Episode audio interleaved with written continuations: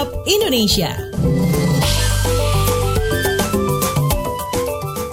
Waktunya kita keliling Indonesia di WhatsApp Indonesia. Kita mulai dari Jakarta. Nekat mudik, PNS bakal kena sanksi sesuai tingkat pelanggaran. Selengkapnya dilaporkan Reski Novianto. Selamat pagi. Selamat pagi. Badan Kepegawaian Negara BKN memastikan PNS yang nekat mudik akan dikenakan sanksi beragam, mulai dari ringan, sedang, hingga berat, tergantung dari dampak yang ditimbulkan kepada unit kerja hingga instansi bahkan negara.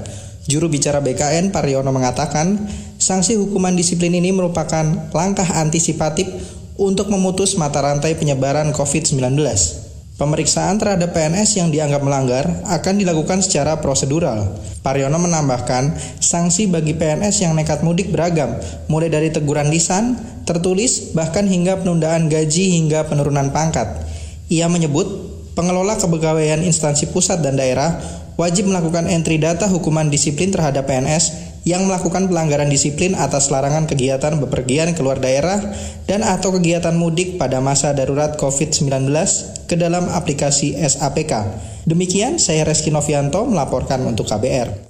Masih dari Jakarta, warga DKI terdampak COVID-19 bisa akses psikolog di puskesmas. Selanjutnya dilaporkan reporter KBR Wahyu Setiawan. Selamat pagi. Selamat pagi, Pemprov DKI Jakarta menyediakan layanan konsultasi kesehatan jiwa atau psikologis bagi warga terdampak COVID-19 yang bermukim di ibu kota. Kepala Bidang Pencegahan dan Pengendalian Penyakit Dinas Kesehatan Provinsi DKI Jakarta, Dwi Oktavia, mengatakan psikolog di puskesmas akan memberikan layanan dukungan kesehatan jiwa dan psikososial melalui telepon dan pesan WhatsApp. Selain itu, Dinas Kesehatan Provinsi DKI Jakarta turut memberikan layanan konsultasi online melalui aplikasi Sahabat Jiwa pada situs dinkes.jakarta.go.id.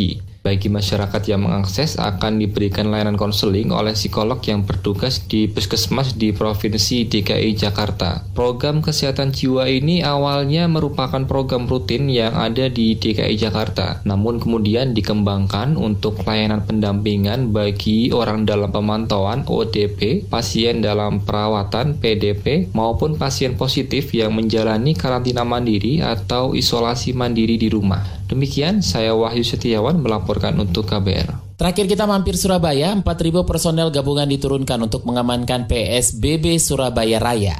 Kita simak kontributor KBR Budi Prasetyo. Selamat pagi. Selamat pagi. Sebanyak 4.000 personel gabungan TNI dan aparat kepolisian diturunkan untuk mengamankan pembatasan sosial berskala besar di Surabaya Raya yang dimulai pada hari ini. Jumlah personel itu akan ditempatkan untuk menjaga perbatasan, patroli, dan pendistribusian bahan makan dari dapur umum untuk masyarakat terdampak. Kapolda Jawa Timur Irjen Polisi Lugi Hermawan mengatakan pada tahap awal pihaknya akan melakukan teguran kepada masyarakat yang melanggar PSBB. Nantinya aparat akan melakukan evaluasi untuk menindak tegas bagi masyarakat yang masih melanggar aturan PSBB. Seperti diketahui, Pemprov Jatim akan menerapkan PSBB di Surabaya yang meliputi Kota Madya Surabaya, Kabupaten Gresik, dan Kabupaten Sidoarjo untuk menekan penyebaran COVID-19.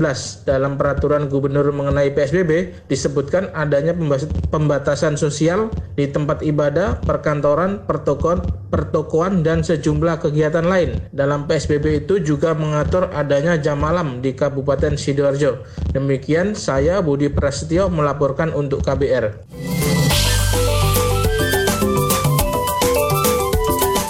WhatsApp Indonesia.